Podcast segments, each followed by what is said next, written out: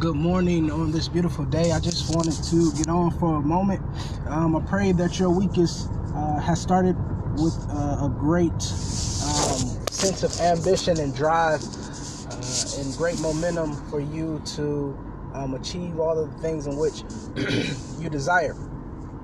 Uh, I just wanted to get on for a brief moment, um, as I always do. Um, and I want you to be encouraged to know that if God has done it before, God can certainly do it again. I'm currently um, driving, I'm en route. So if you hear the background, uh, I'm in traffic driving. Uh, but yes, if God has done it before, uh, God can definitely do it again. He's omnipotent, all powerful.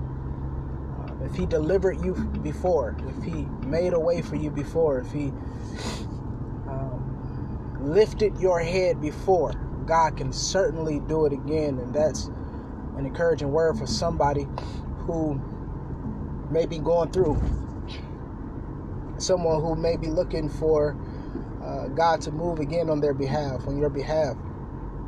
I'm here to certainly um, tell you that God can um, do what He has done before because God is a faithful God. God is the type of God that uh, He will give you strength in your weakness. It is amazing what God can do if you have the faith to trust Him. There's a scripture in which I was able to um, illuminate on this past last Friday. Um, it comes from James, fourth chapter, verse 8. It says, Draw nigh to God, and God will draw nigh unto you.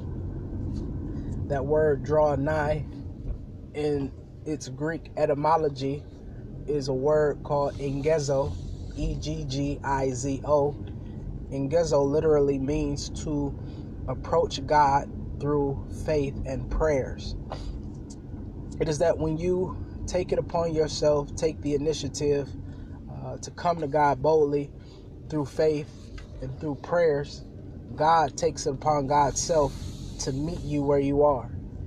Is that when you have the faith and you use the communication line of prayer to commune with God, God does something divinely that makes up and meets you where you need Him to be.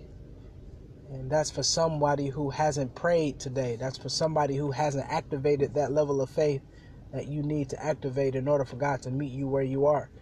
When you believe to have the faith, and when you have the prayer power, you know without a shadow of a doubt that God is going to respond and meet you where you are. It is like this illustration where you are on one side of a park and God is on the other side of the park. And you begin to search for God and you use prayer and you use your faith. And somehow some way you begin to just the spirit moves you uh, to, to to move forward. And as you're moving forward your faith and your prayer does something on the other end of the park that allows God to move towards you. And then you and God meet together and God begins to meet you and meet your needs and do something divine on your behalf. So I just want to encourage you with that word. Uh, if God has done it before, God can definitely do it again. Engizo. Draw nigh unto God, and God will draw nigh unto you. All right, y'all be blessed on this Monday. Pray that this week the week of growth, fulfilled desires, and clarity for the journey ahead. Peace.